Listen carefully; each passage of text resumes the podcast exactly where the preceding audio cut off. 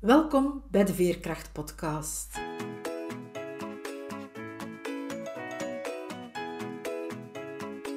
Ik ben Veerle Schaltien, levensverhalen en schrijfcoach.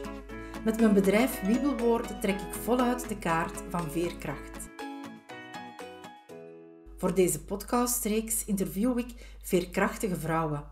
Het zijn vrouwen zoals jij en ik, die soms wel eens het hoofd laten hangen maar die er vooral telkens opnieuw in slagen weer overeind te krabbelen, die telkens opnieuw de moed hebben om door te gaan, die ondanks alles ten volle in het leven staan en elke dag waardevol weten te maken. Hoe ze dat doen, vertellen ze je heel openhartig. Luister, snoep van hun woorden en laat je inspireren door hun verhalen, want als zij het kunnen, kan jij het ook. Vandaag praat ik met Nancy Geerts. En Nancy heeft ontdekt dat zij een alleengeboren tweeling is. En blijkbaar is zij ook een magneet voor andere alleengeboren tweelingen. Maar wat dat juist is, dat zal verder in het gesprek wel aan bod komen. Dag Nancy, welkom. Goedemorgen Veerle. Nancy, kan jij misschien eerst eens iets over je kindertijd vertellen?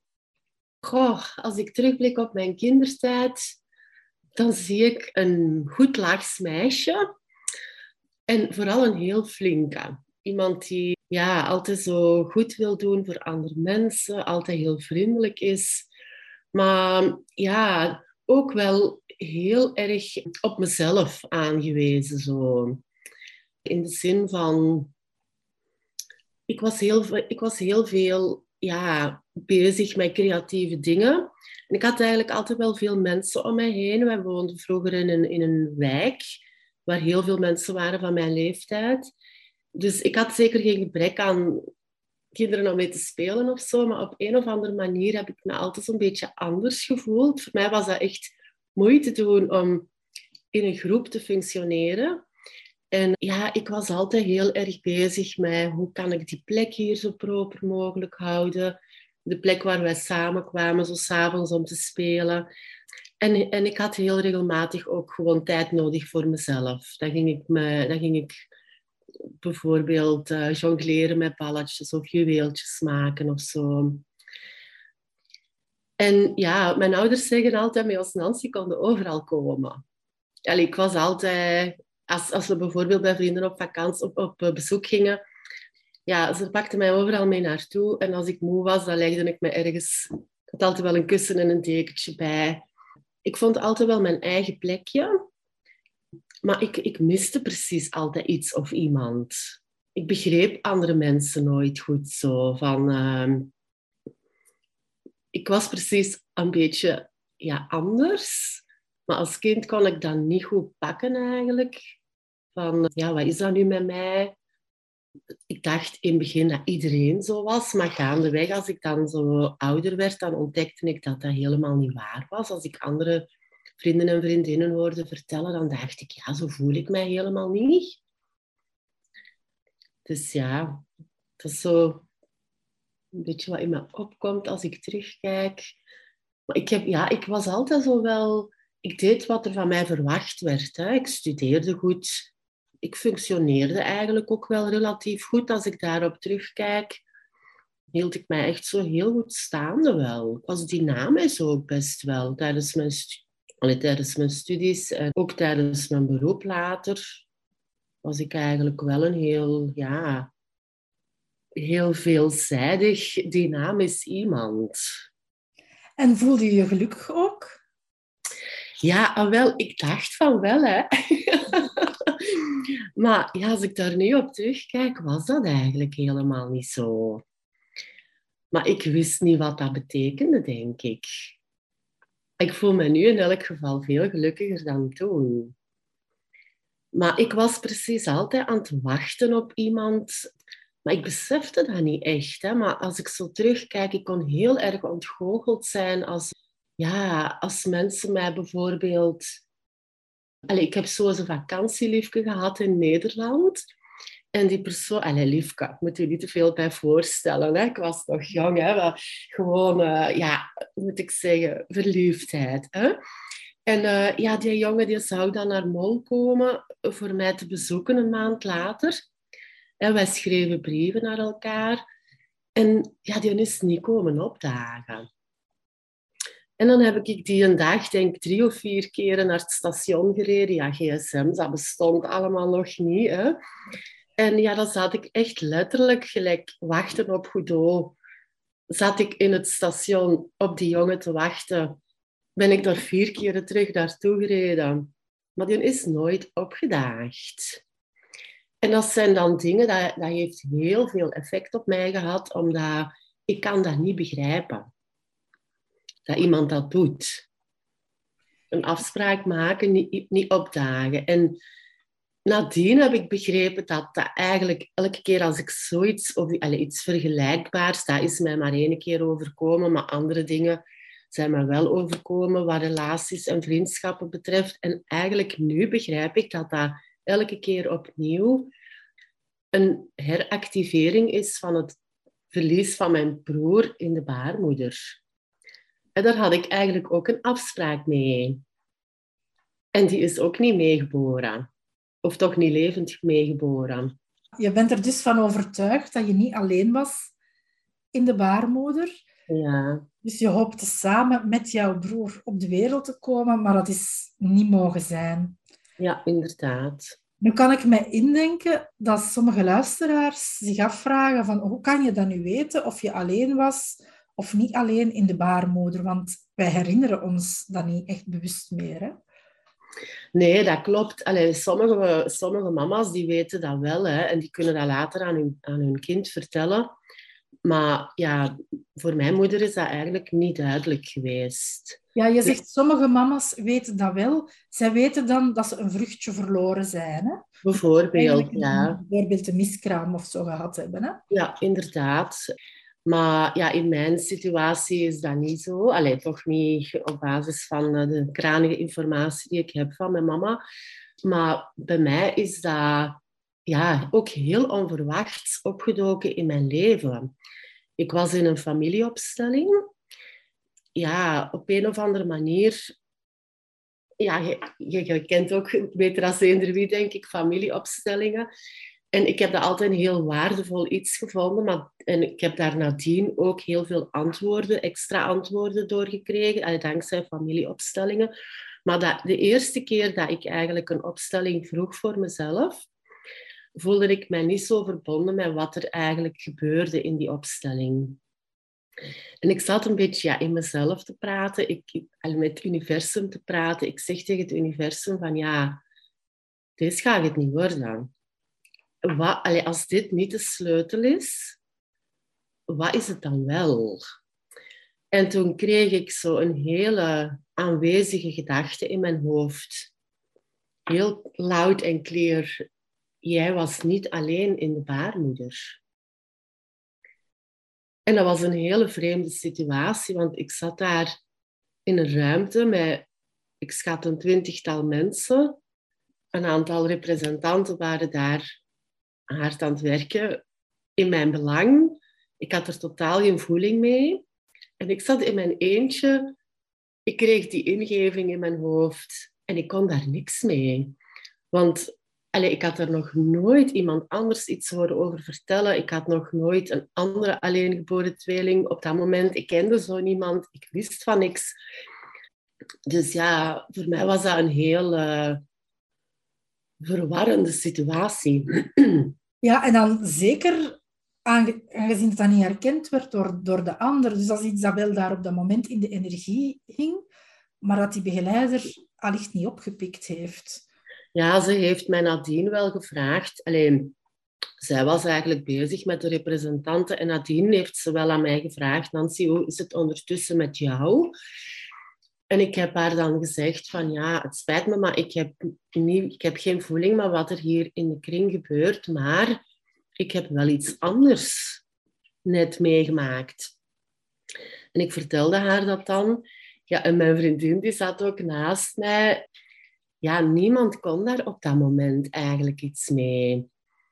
Ja, als, als stel, dat, stel dat ik nu in een ruimte zou zijn waar dat gebeurt met iemand anders, hè, ja, dan zou ik die persoon onmiddellijk wel... Ja, ik zou er iets voor kunnen betekenen. Wat, dat zou van haar, van of hem afhangen, maar ik zou dan op dat moment wel iemand zijn die het fenomeen alleengeboren tweelingen kent, hè, of vanishing twin, zo wordt het ook genoemd in, in, uh, in de literatuur.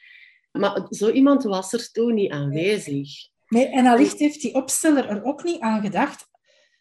Allee, dat schiet mij nu te binnen. Stel dat jij dat tegen mij zegt, van ja. ik krijg dit door, dan zou ik, hoe dat de opstelling ook aan het verlopen was, zou ik die persoon die in de baarmoeder bij jou was, ik zou die op dat moment ook opstellen. En dan zouden er allicht wel heel veel dingen duidelijk worden. Hè? Want het universum gaf jou echt een signaal dat dat was wat op dat, waar op dat moment naar gekeken moest worden. Hè? Zelfs fenomeen, hè, ik zal het nu maar zo noemen, niet kent. Mhm. Als je ergens hoort van er is nog iemand dat eigenlijk in de opstelling wil komen, of iets dat zich aandient, dan kan je dat wel, wel opstellen. Maar ja, dat is niet gebeurd ja, geen verwijt naar die persoon toe. Nee, want dat, absoluut niet, want die avond was toen eigenlijk op zijn einde aan het lopen. Dus die had daar eigenlijk totaal geen tijd niet meer voor om dat te doen. Maar ja, ik had, en ik had ook zelf initiatief kunnen nemen, maar dat heb ik ook niet gedaan. Omdat ik, de, omdat ik eigenlijk de grootsheid van dat fenomeen totaal nog niet kende. Oké, ik, had die, ik, ik had die ene zin en daar moest ik het mee doen op dat moment. En alleen als ik nu terugkijk naar die periode en ik zou de linken gezien hebben van eerder gebeurde situaties in mijn leven en gelijk bijvoorbeeld hoe immens verdrietig dat ik was als er een babytje stierf bij andere mensen. Als, allez, als ik die linken had gezien en gelijk een kinesiologe die ooit tegen mij zei, jij wilde niet geboren worden. En toen heb ik een hele dag geweend. Maar ja, het moment dat ik dan die, die boodschap kreeg van jij was niet alleen in de baarmoeder, kon ik die, ja, connecting the dots, zeggen ze in het Engels, hè, toen kon ik dat allemaal nog niet aan elkaar plakken.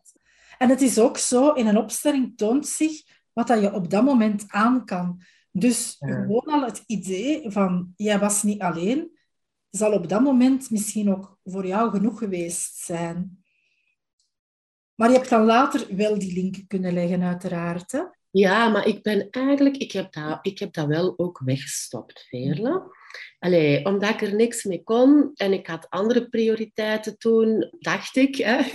Ja. Allee, ja, twee kindjes en uh, een huishouden en mijn job. En ja, ik vond daar geen antwoorden over, dus ik heb dat eigenlijk zo ergens op een achterplan in mijn bewustzijn gestopt. Niet dat ik dat zo bewust gedaan heb, maar dat is gewoon gebeurd.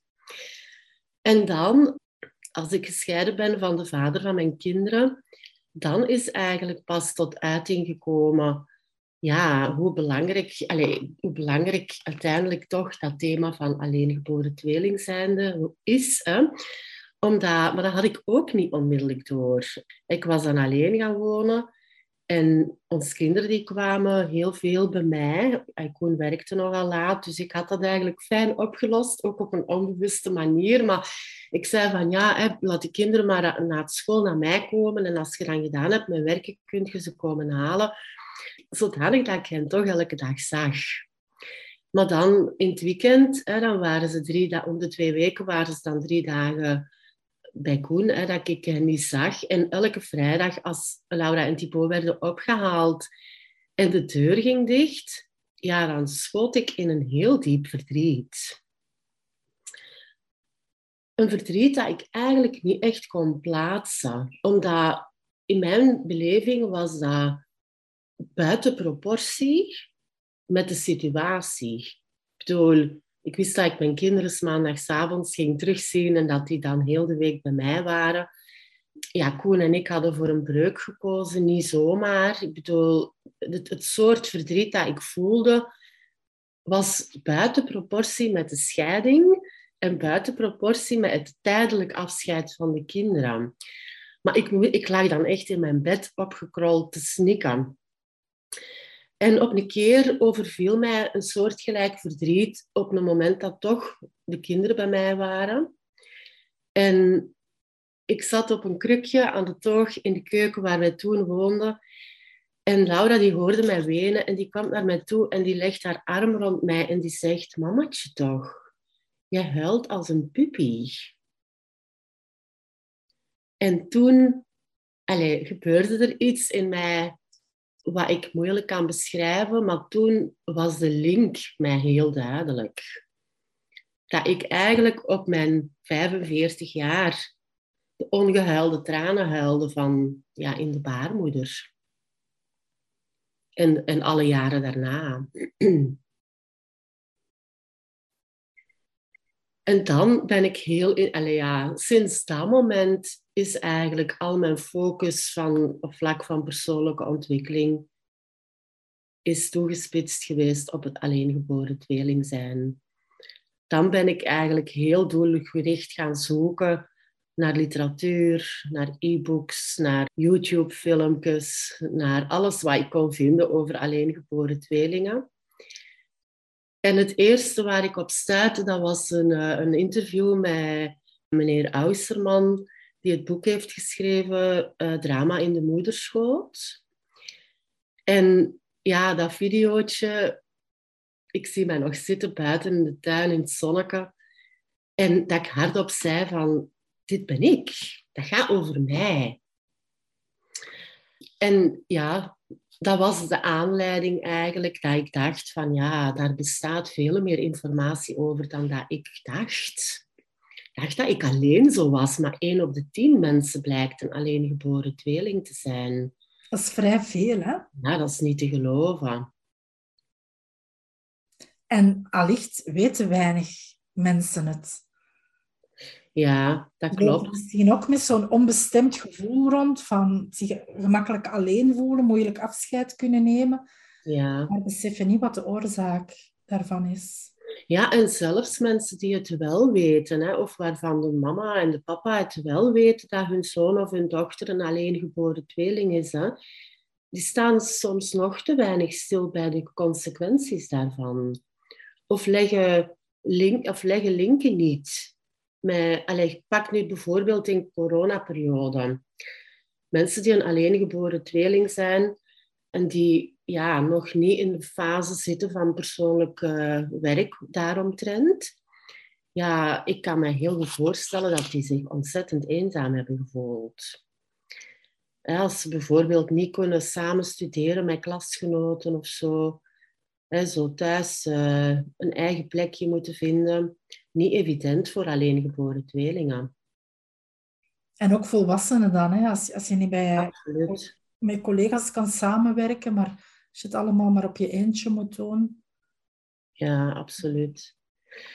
Ja, ik, had, ik heb dan nog meer momenten. Hè. Ik ben nu 55 hè, en er zijn dingen die ik heel goed alleen kan. Het zijn vooral de dingen die ik graag doe, gelijk schilderen en mensen helpen. Maar pak nu bijvoorbeeld een afwas doen. Of uh, mijn boekhouding doen. Ik heb tien jaar een coachingpraktijk gehad. Als ik mijn boekhouding moest doen, dat was de hel voor mij. Dat was zoiets dat ik mijn broer nodig had. Allee, omdat ik ben er niet zo goed in in cijfers. En dan zei ik altijd, de periode dat ik nog met Koen samenleefde, dan zei ik tegen hem van, ja, je hoeft het niet van mij over te pakken, komt gewoon bij mij zitten. Allee, hij hielp me dan uiteindelijk wel. Zo, hè? Maar, en ik heb dan nog soms, ik woon alleen nu, mijn kinderen zijn het huis uit. En ik heb nog momenten ja, dat ik zoiets heb van, kan er nu alsjeblieft iemand naast mij komen zitten? Dat, ja. Allee, onlangs op de uitvaart van ons papa was er een stoel vrij naast mij. En dan, dan ben ik blij dat je stoel vrij is, dat niemand daar is komen zitten. Ah ja, je had dat niet bewust gedaan. Ja. ja, die stoel was, die was, ja, die was daar nodig. Ik heb dat niet zo gewild, maar dat gebeurde en dat was goed. Ja, dat is wel mooi hoe dat, dat dan gebeurt. Hè? Ja. Ja. en nu zeg je van, je trekt eigenlijk heel veel alleengeboren tweelingen aan. Je voelt dat ook als iemand een alleengeboren tweeling is. Ja, dat is zoiets wat je... Ik kan dat niet uitleggen hoe dat komt, hè, of hoe ik dat weet. Ik denk dat het te vergelijken is met als bijvoorbeeld een man die op mannen valt, of een vrouw die op vrouwen valt, die herkennen elkaar ook vaak. Ook al heeft de andere persoon vaak nog niet door van allee, dat ze misschien wel voor hetzelfde geslacht, eh, door hetzelfde geslacht worden aangetrokken. Hè? Een soort gelijk gevoel heb ik, denk ik, met alleengeboren tweelingen. Een herkenning. ja, ik wou net hetzelfde woord zeggen. Ja, en soms, allee, soms is dat iets dat ik dan al jaren weet, maar, maar dat dan in de loop van de verhalen die die persoon met mij deelt, in de loop van de tijd, dat ik meer en meer ja, de bevestiging krijg. Want er zijn heel weinig mensen waar ik, als ik dat gewoon tegen zou zeggen, hè, ja, dat wordt niet vaak aangenomen. Omdat dat gelijk dat ik toen die ingeving kreeg. Hè. Je was niet alleen in de baarmoeder. Hè. En sommige mensen, dat, allee, wel, maar ik breng dat dan heel voorzichtig aan. Hè. Ook al heb ik zelf ja, toch wel 99,9 procent dat ik zeker ben, maar als ik dat dan heel voorzichtig aanbreng, en sommige mensen die kunnen dan zo zeggen van, ja, verklaart dat dan mijn eenzaamheid? Ondanks goede relatie, kinderen, huisje, tuintje, boompje, leven op orde, toch alleen zijn, alleen voelen, in een, in zelfs in een groep. Hè? Ik heb mij ook altijd in een menigte, zelfs met een concert of zo, hè, kan ik mij heel alleen voelen. Alleen, alleen niet in de slechte betekenis van het woord, maar ja, anders. Er is altijd een, een gemis. En een zoeken. Allee, ondertussen weet ik wel wat ik gezocht heb. En weet ik ook dat ik hem in de fysieke vorm natuurlijk niet meer ga tegenkomen. Ik heb hem gevonden in de andere wereld ondertussen. Eh, in de niet-fysieke wereld. Hè. Dus mijn zoektocht naar mijn broer is eigenlijk opgehouden, omdat ik weet dat hij er is in een andere vorm. En dat heeft mij ook veel rustiger gemaakt. Dus maar dat zijn... echt de, de connectie met hem? Ja, ja, hij is er overal. Hè. Allee, ik bedoel, ik zie hem in meditaties of visualisaties of ja, ik krijg soms ideeën in mijn hoofd dat ik heel duidelijk weet, dit is niet van mij. Of, of ja, gewoon wegwijzer onderweg, een, een, idee van hier gaat het best naar rechts. Of ja, inspiratie. Of als ik aan het schrijven ben, een woord waar ik niet kan opkomen, of een vertaling waar ik niet kan opkomen, dan, dan komt dat ineens in mijn hoofd. En dan zeg ik, dankjewel. Dat is heel mooi. Ja. Het is eigenlijk zoals ook als je iemand anders moet afgeven als iemand overlijdt, dan kan je daar ook nog die connectie mee hebben. En dit is juist hetzelfde eigenlijk. Hè?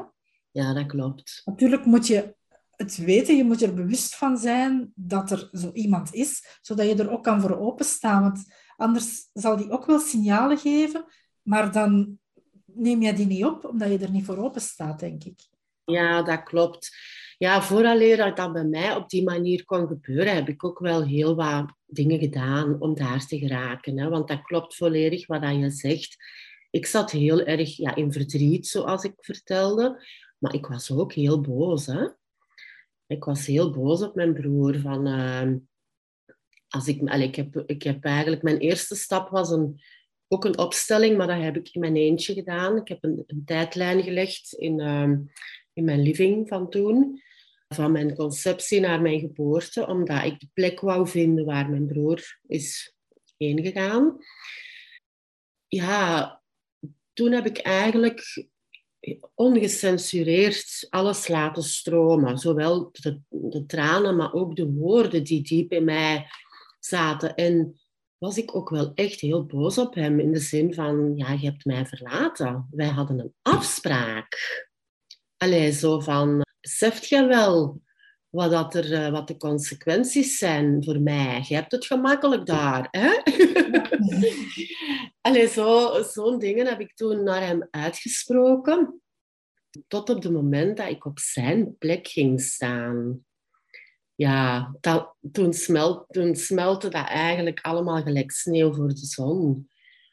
Omdat ik op zijn plek gevoeld heb wat hij gevoeld heeft hij heeft mij eigenlijk niet verlaten of zo. Er was geen adem. Dus toen heb ik, op dat moment dat ik op zijn plek ben gaan staan en daar ook redelijk snel terug ben afgestapt, want dat was heel erg intens voor mij, Maar toen heb ik hem eigenlijk instant vergeven. Ik wist dat op dat moment dat hij mij niks had aangedaan, weet je. Misschien heeft hij moeten gaan om jou het leven te geven. Ja, daar ben ik nog altijd niet achter. Wat er juist gebeurd is, zal ik waarschijnlijk ook nooit weten. Maar ja, er zijn allerlei theorieën over. Hè.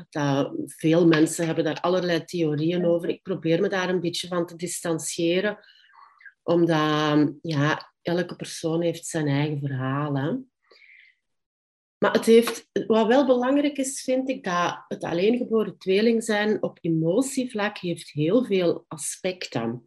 Ik heb het over verdriet gehad, ik heb het over boosheid, maar schuld- en schaamtegevoel is bij heel veel alleengeboren tweelingen ook een belangrijk gegeven. Het is vaak zo, als je de ander niet meer kunt beschuldigen dat hij iets verkeerd heeft gedaan, dan ga je vaak zelf denken van, ja, heb ik dan iets verkeerd gedaan? Weet je, heb ik te veel plek ingenomen of heb ik te veel gegeten? Of, allee, ik, ik heb nu nog niet zo heel lang geleden ontdekt dat ik eigenlijk een schuldgevoel meedroeg omdat ik leef. Sorry dat ik leef. Dat gevoel, hè?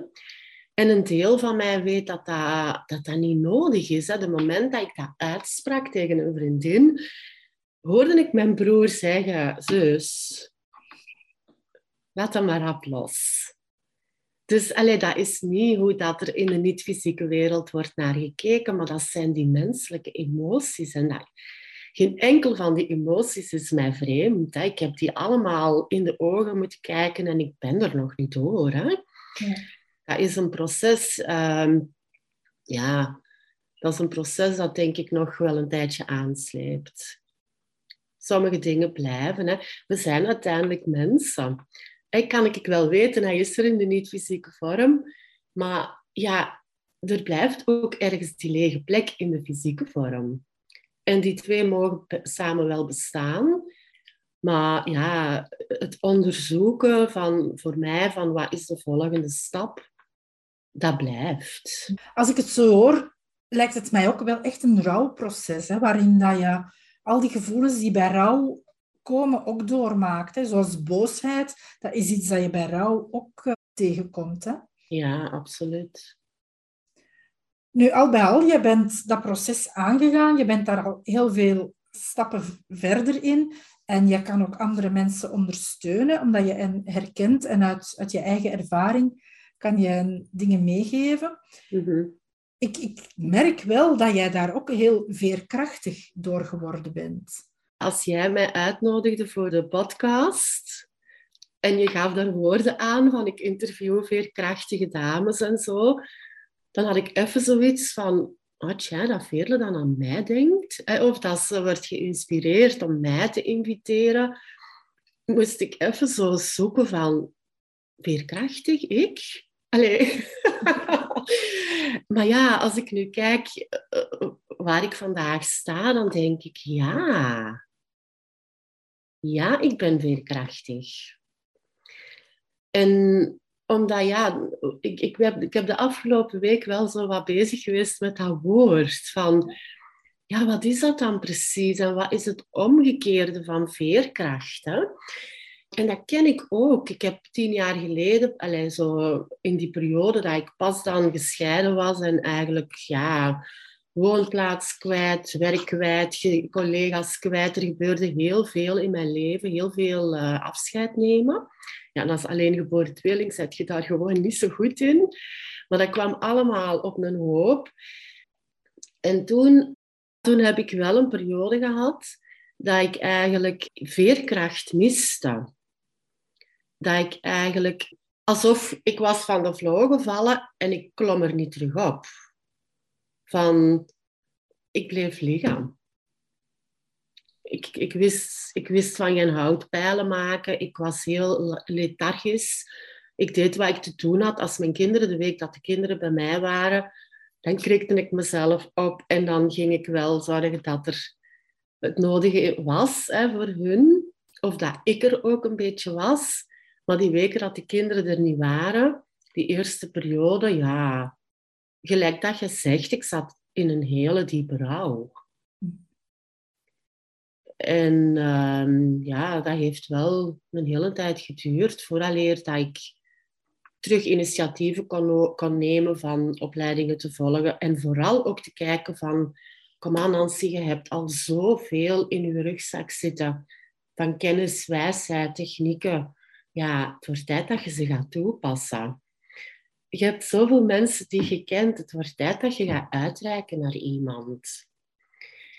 En ja, dat is wat mij uiteindelijk ook wel heeft geholpen. Hè. Als, zo, als lonely twin, um, dan doe je ook veel alleen. En eigenlijk te veel alleen. Zo zei iemand dat ik goed kennis een keer van maakt in een opleiding was dat. Maakt u niet meer alleen dan nodig is. En die zin is mij al, sinds die dag altijd bijgebleven. En die komt ook vaak in mijn gedachten als ik de neiging heb om weer in mijn schulp te kruipen. Dan hoor ik die zin, maak je niet meer alleen dan nodig is. En dat geeft me altijd de moed om uit te reiken naar iemand. En dan bedoel ik soms, ik heb zo één vrouwelijke vriendin en één mannelijke vriend als vertrouwenspersoon. Dat zijn twee mensen waar ik van weet van ja, kennen bijna heel mijn leven. Daar kan ik ook van op aan dat dat bij hun blijft. En uitreiken is soms ook naar een therapeut of een coach of een familieopstelling, begeleiding of wat er ook nodig is op dat moment voor mij. Voor iemand anders is dat dan misschien iets totaal anders. Maar ik heb wel veel gehad aan familieopstellingen en ook aan een techniek die ik dan zelf geleerd heb, die noemt logosynthese. Daar heb ik ook daar heb ik die tijdlijn bijvoorbeeld, uh, die, die techniek of dat model heb ik gebruikt om die tijdlijn te leggen en dan uh, al die, ja, dat, dat prenatale verdriet op te lossen. Allee, op te lossen. Dat is zo raar. Verwerken? Ja, ja, ik heb sinds die opstelling nooit meer zo gehuild. Ik huil nog wel. Hè. Ik kan heel ontroerd zijn of verdrietig ook wel, maar niet meer dat verdriet. Dat snikken, ja, dat was echt zo gelijk Laura zei, hè, gelijk een puppy. En dan zag ik, allez, die puppy, dat representeerde voor mij een heel klein babytje. En dan het snikken van een, het huilen van een heel klein babytje. Maar dat is een vreemd gevoel in een lichaam van een, van een 45-jarige vrouw. Jazeker. En sinds die opstelling is dat nooit meer teruggekomen. En ik heb dat ook niet moeten onderdrukken. Dat was gewoon er niet meer. Ja, dat is iets dat je toch doorwerkt hebt, hè, zoals, zoals ze dat noemen. Ja. En ja, dat heeft dan ergens een plaats gekregen. Want loslaten, het woord loslaten, dat gebruik ik hoe langer hoe minder. Want mhm het is wel iets dat jou gemaakt heeft tot wie dat je nu bent. Dus dat hoef je niet echt los te laten, maar het een plaats geven, denk ik, dat wel belangrijk is. En door dat zo te doorwerken, kan je die dingen een plaats geven. Ja. Ja, maar het is een heel... Ja, eigenlijk, hè, ik zou graag in de toekomst... Ik zou mijn praktijk graag terug open doen. Hè. Weet je waarom? Omdat ik heb daar tien jaar over gedaan. Allee, sinds ik het eigenlijk sinds ik het aangepakt heb, eerst had ik het weggestopt, omdat ik er niks mee aan kon vangen. Maar eens ik niet meer anders kon, dat het water me echt aan de lippen stond en dat ik, daar, dat ik dan toch mijn eigen proces heb gedaan, er heel lang over gedaan heb. Ik wil mensen helpen om daar niet zo lang over hoeven te doen. Ja, dat is echt jouw missie, hè? Ja, dat gevoel heb ik wel. We zullen zeker, als, als het zover is, hè, de luisteraars ook laten weten dat ze bij jou terecht kunnen. Maar misschien kan je nu al enkele tips geven voor de luisteraars, waardoor zij veerkrachtiger in het leven kunnen staan. Weet je wat mij eigenlijk het meest geholpen heeft, hè, Veerle? Ik zou zeggen, koop een hond. Als je hem nog niet hebt. Allee, uh, als ik geweten had... We hebben een golden retriever, hè? En als ik geweten wat dat diertje in mijn leven zou betekenen, dan had ik hem tien jaar eerder gekocht. Hè. Dat, is, dat kun je niet met een persoon vergelijken. Hè. Die hond is zo onvoorwaardelijk. Hè. dat, ja, dat, die brengt mij in contact met wie ik werkelijk ben. Die heeft geen verdriet als ik verdrietig ben. Oké, die troost mij. Maar die is niet boos als ik boos ben. Die, die representeert eigenlijk altijd mijn essentie. Dus, en ook allee, bijvoorbeeld als mijn dochter het moeilijk heeft, dan zeg ik altijd tegen mezelf: Be like Leo. Leo is de naam van onze hond. En dan ja, probeer ik te zijn voor mijn dochter zoals Leo er is voor mij. Dat wil zeggen, niet oordelen, geen advies geven, gewoon er zijn, luisteren, bijzitten. Ah ja. Um, dus ja, ik weet niet of dat een antwoord is op jouw vraag, maar voor de rest denk ik dat ik, dat ik al een paar dingen heb aangereikt van rijk uit naar andere mensen. Is voor alleengeboren tweelingen echt wel niet gemakkelijk. Ja, daar moeten ze moeite voor doen. Denk ik toch, de meeste toch. Um, en zoek ook als, als mensen bereid zijn om therapeutisch aan de slag te gaan, van zoek iemand waar je je heel goed bij voelt. Weet je? Allee, ik heb zo zelf op het moment een, dame in, uh, in Londen, Brit Handler noemt die, die werkt ook met Healy. Ik heb zelf ook Healy's, dat helpt mij ook enorm. Um, en ja, ik voel me zo goed bij die persoon en dat voelt ook heel veilig. We doen dat ook via Zoom. Maar dat is helemaal oké. Ik heb dat in de loop van de jaren geleerd om op die manier me ook mee heel verbonden te voelen met iemand. Dus therapeutische hulp, ik ken, ik ken dat eigenlijk nog maar 15 jaar of zo. vroeger, als ik jong was, iemand die overspannen was of zo, ja, daar mankeerde niets mee. Hè? Maar dat is gelukkig... Mensen denken dat nog, hè? ja. dat helemaal niet is, uiteraard. Hè? Nee, dat is niet zo. En sinds ik dat ben gaan begrijpen... Allez, voor, dat is eigenlijk begonnen in de levensschool. Ik heb vier jaar opleiding gevolgd in de levensschool. En toen, dat is ongeveer 15 jaar, ik weet het niet precies, geleden. En daar heb ik geleerd dat dat niet zo is. Dat, dan, dat er niks mankeert met ons of met met andere mensen. Dat we gewoon elkaar kunnen ondersteunen waar het nodig is. Hè?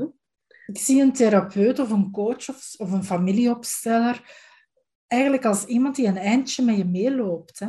Mm Ja. En dan komen we weer bij die hond terecht. Die loopt ook een stukje met je mee. Dus ja, ik vind dat eigenlijk wel een, een heel fijne type, een originele type. Dat heeft nog niemand van de mensen die ik uh, geïnterviewd heb jou voorgezegd. Maar het kan mensen inderdaad wel enorm helpen.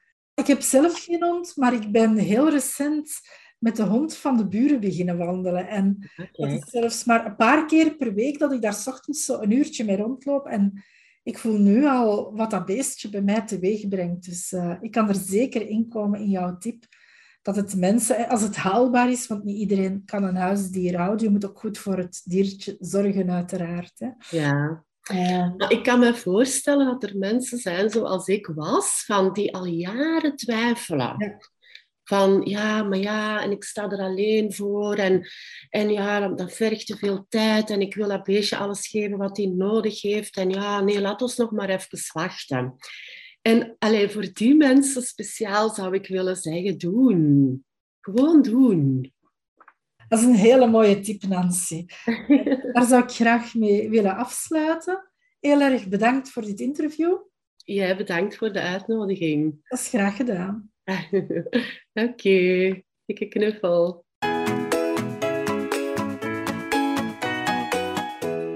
Wens je meer uit je leven te halen?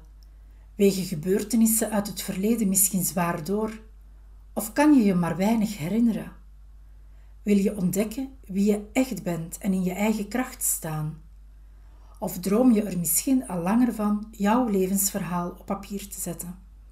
In het najaar start er een nieuw jaartraject waarin we schrijven aan ons levensverhaal. Eerst gaan we op zoek naar het verhaal dat in je leeft. Dan stellen we een persoonlijk schrijfplan op en gaan we op zoek naar jouw schrijfstem. We kijken vanuit een ander perspectief naar ons verhaal en ons leven. En uiteindelijk komt er ook nog een herschrijffase aan. Uniek aan dit traject is dat je zowel schrijftechnische ondersteuning krijgt, want we werken naar een eindproduct toe, jouw levensverhaal, als dat ik het proces dat je ondertussen doormaakt begeleid. Het schrijven van jouw verhaal is een manier om te groeien. Het zet je op weg naar meer veerkracht. Lijkt dit jou wel wat? Dan kan je via onze website een afstemgesprek inboeken.